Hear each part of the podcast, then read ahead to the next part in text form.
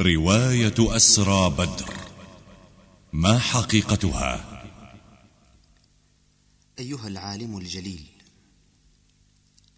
ومما ورد أيضا عن أصحاب السير أنه لما كان يوم بدر جيء بالأسارى فقال أبو بكر يا رسول الله قومك وأهلك استبقهم لعل الله أن يتوب عليهم. وقال عمر بن الخطاب يا رسول الله كذبوك وأخرجوك وقاتلوك قدمهم فاضرب أعناقهم. وقال عبد الله بن رواحة انظروا واديا كثير الحطب فأضرمه عليهم نارا. فقال العباس وهو يسمع ما يقول قطعت رحمك. فدخل النبي ولم يرد عليهم شيئا. فقال أناس يأخذ بقول أبي بكر وقال أناس يأخذ بقول عمر. فخرج رسول الله فقال إن الله لا يلين قلوب رجال حتى تكون ألين من اللبن وأن الله لا يشدد قلوب رجال حتى تكون أشد من الحجارة. مثلك يا أبا بكر مثل إبراهيم عليه السلام قال فمن تبعني فإنه مني ومن عصاني فإنك غفور رحيم. ومثلك يا أبا بكر كمثل عيسى عليه السلام. قال إن تعذبهم فإنهم عبادك وإن تغفر لهم فإنك أنت العزيز الحكيم. ومثلك يا عمر كمثل موسى إذ قال ربنا اطمس على أموالهم واشدد على قلوبهم فلا يؤمنوا حتى يروا العذاب الأليم. ومثلك يا عمر كمثل نوح إذ قال رب لا تذر على الأرض من الكافرين ديارا. ثم قال أنتم عالة أي فقراء في حاجة إلى مال الفداء. فلا ينفلتن أحد من الأسرى إلا بفداء أو ضرب عنق. فأنزل الله تعالى في سورة الأنفال ما كان لنبي أن يكون له أسرى حتى يثخن في الأرض. تريدون عرض الدنيا والله يريد الآخرة. والله عزيز حكيم. فبحسب هذه الرواية يتبين صواب عمر وخطأ الرسول بقبول الفداء. فجاءت الآية منبهة الرسول إلى خطئه وموافقة لعمر. فما تأويلكم؟ قل للذين تقدموا ما أوردوا. في أسر بدر دسة وكذاب. أترى يخالف سنة من قبله؟ درج الهداة عليها فهي صواب. يا سيد الرسل الكرام وبابهم هل يذهبا لون السماء ضباب؟ هذا كتاب الحق يحكم بيننا. لا نرضى من كتب الدسوس جواب. الذم ذم الآسرين لأسرهم. ما كان فيه للنبي عتاب. يا أخي الكريم بنظرة واحدة إلى هذه الرواية التي وردت فيها هذه القصة في كتب السيرة يتبين لنا عدم صحتها. فبحسب مسراها يظهر أن الرسول صلى الله عليه وسلم يشير إلى أن عمر رضي الله عنه شديد القلب قاسي مع أن المؤمن خلاف ذلك والقسوة والشدة من صفات قلوب الكفرة.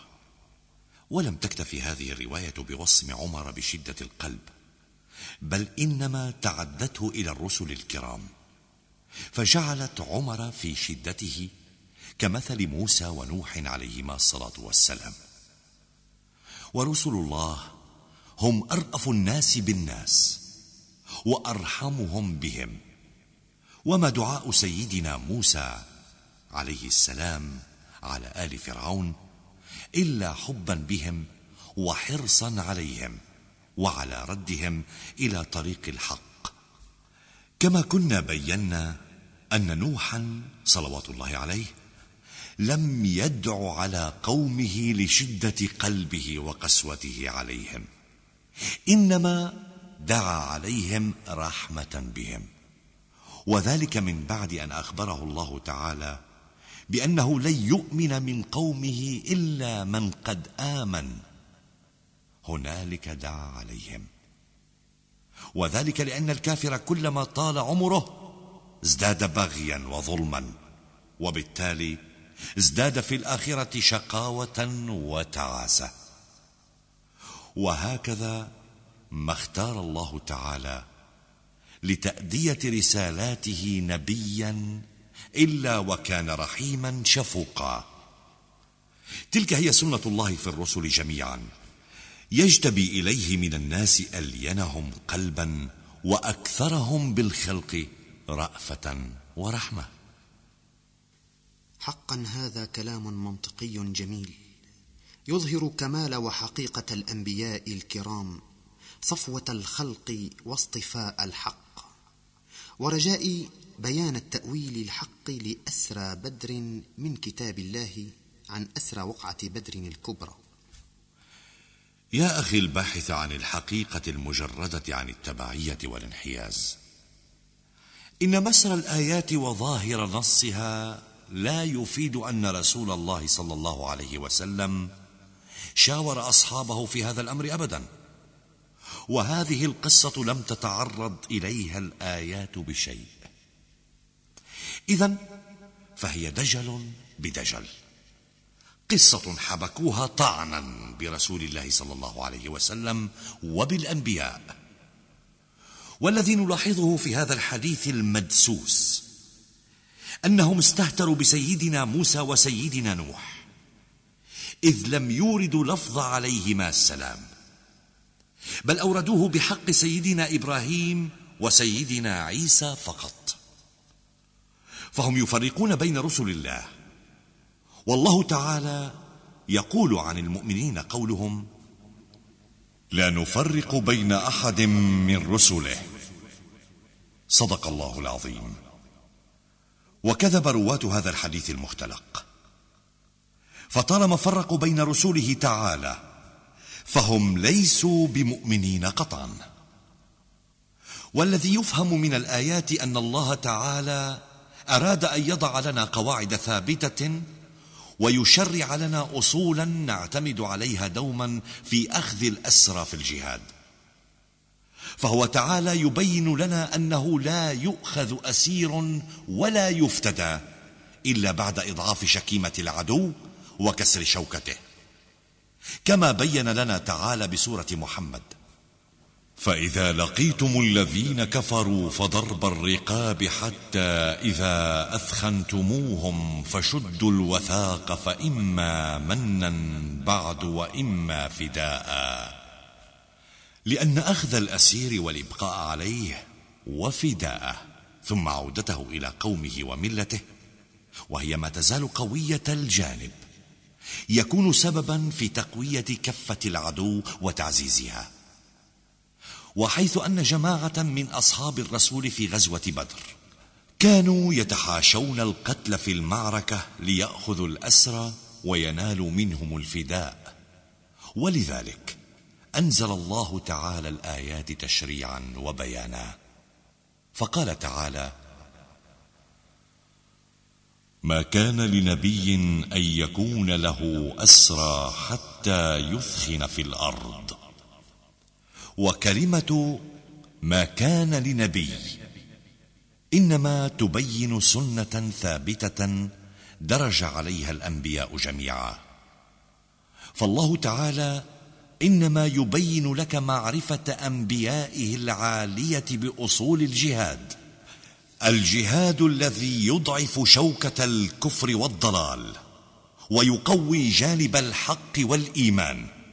فهؤلاء الأنبياء ما كان لهم أي لم يسبق أن صدر منهم في يوم من الأيام أن أسروا من عدوهم أسرى قبل أن يثخنوا في الأرض.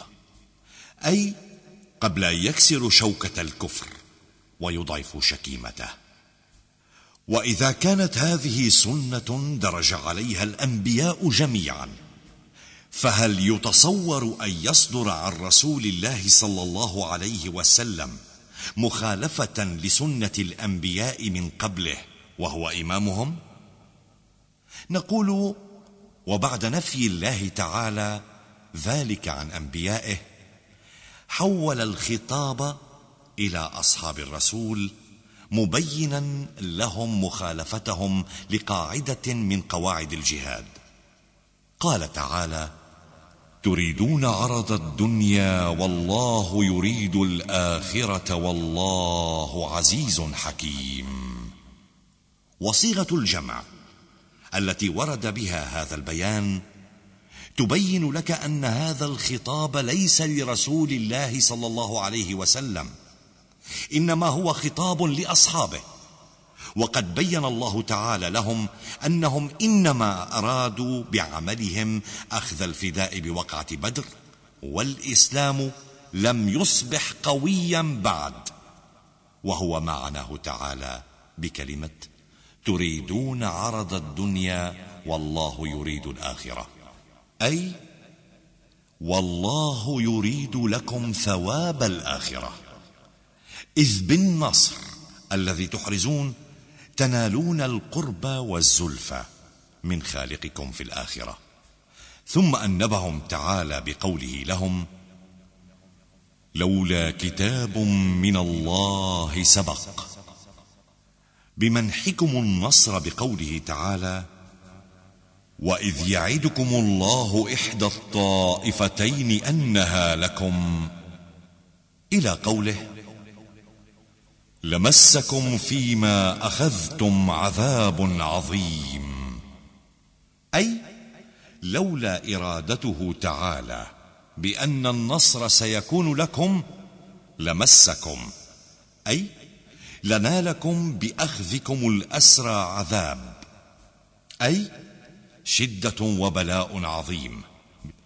بتأليب هؤلاء الأسرى قومهم بعد وقعة بدر الكبرى وتحريضهم على قتالكم. فكلوا.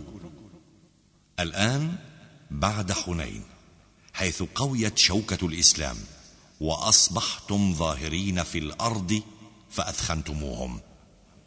فكلوا مما غنمتم حلالا طيبا واتقوا الله إن الله غفور رحيم.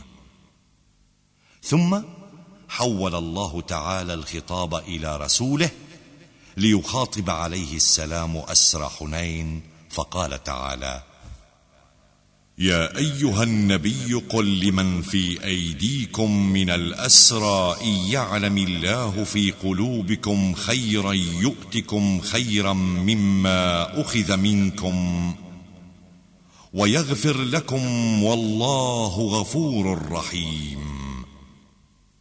ثم حذر الله تعالى هؤلاء الأسرى فقال وإن يريدوا خيانتك فقد خانوا الله من قبل فأمكن منهم والله عليم حكيم. وهذه الآيات أنزلت يوم الفرقان. يوم التقى الجمعان هوازن وثقيف في حنين. فما قولك بعدما سمعت تأويل الأمين الحق الصحيح للآيات الواردة بهذا الخصوص؟ اذا الآية ما كان لنبي أن يكون له أسرى حتى يثخن في الأرض. أراد الله بها أن يضع لنا قواعد ثابتة ويشرع لنا أصولا نعتمد عليها دوما في أخذ الأسرى في الجهاد. فهو تعالى يبين لنا أنه لا يؤخذ الأسير ولا يفتدى إلا بعد إضعاف شكيمة العدو وكسر شوكته لأن أخذ الأسير والإبقاء عليه وفداءه ثم عودته إلى قومه وملته وهي ما تزال قوية الجانب يكون سببا في تقوية كفة العدو وتعزيزها كما فهمت منكم. اذا فرسولكم ما حاد عن سنة النبيين من قبله؟ إنما بعض صحابته حادوا على حسب كلام الله في كتابه الكريم. هذا وكلمة تريدون عرض الدنيا. وكلمة لمسكم فيما أخذتم عذاب عظيم. والخطاب بصيغة الجمع إنما هو عتاب لمن أسروا يوم بدر لا عتابا لرسول الله وإلا لورد العتاب بصيغة المفرد وهذا لم يحدث وما أورده المفسرون لا أصل له بالقرآن. نعم. الآيات تبين الوقائع التي وقف فيها رسول الله صلى الله عليه وسلم موقف المشرع للناس جميعا. وأوردها تعالى لنا لنحتذي حذو رسوله الكريم ونأخذ بما بينه بمثل هذه المواقف من تشريع يعمل بها المؤمنون في جهادهم ويطبقون أحكامها في حروبهم.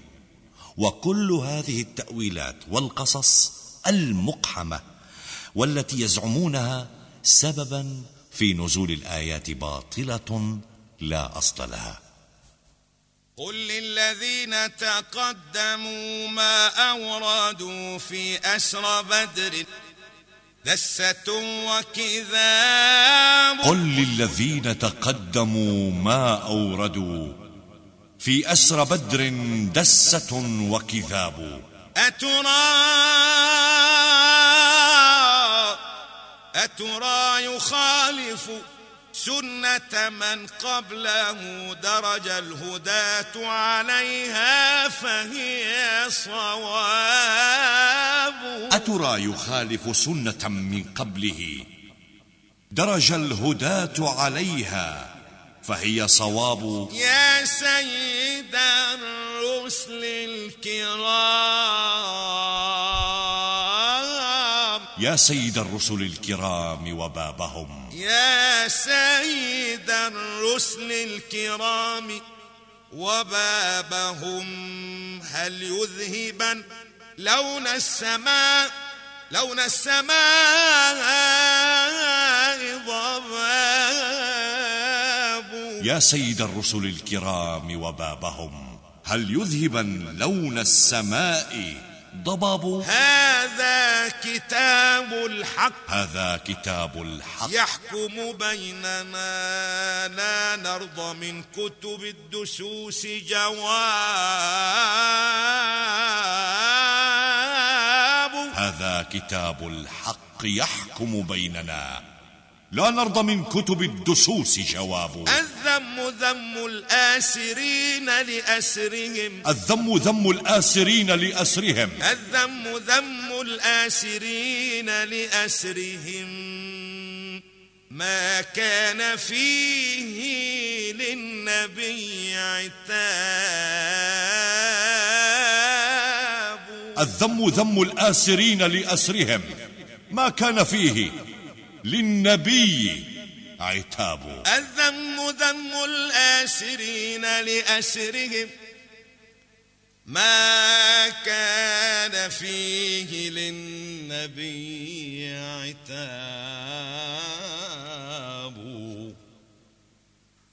لقد أتيت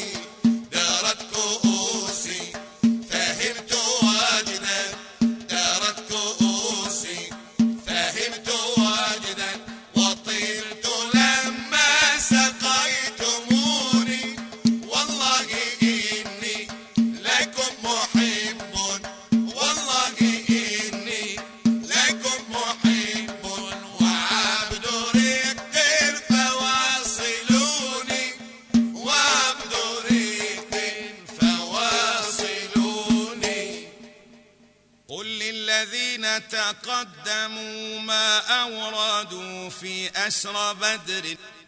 دسة وكذاب. أترى أترى يخالف سنة من قبله درج الهداة عليها فهي صواب.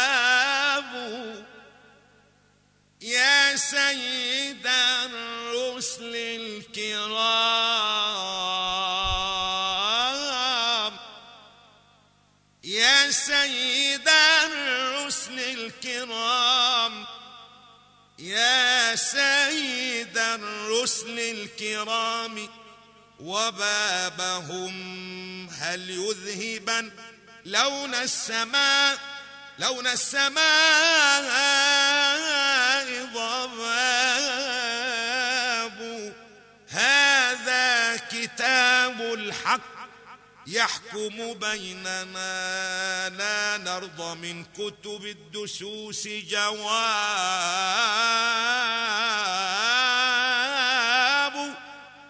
الذم ذم الآسرين لأسرهم. الذم ذم الآسرين لأسرهم. ما كان فيه للنبي عتاب.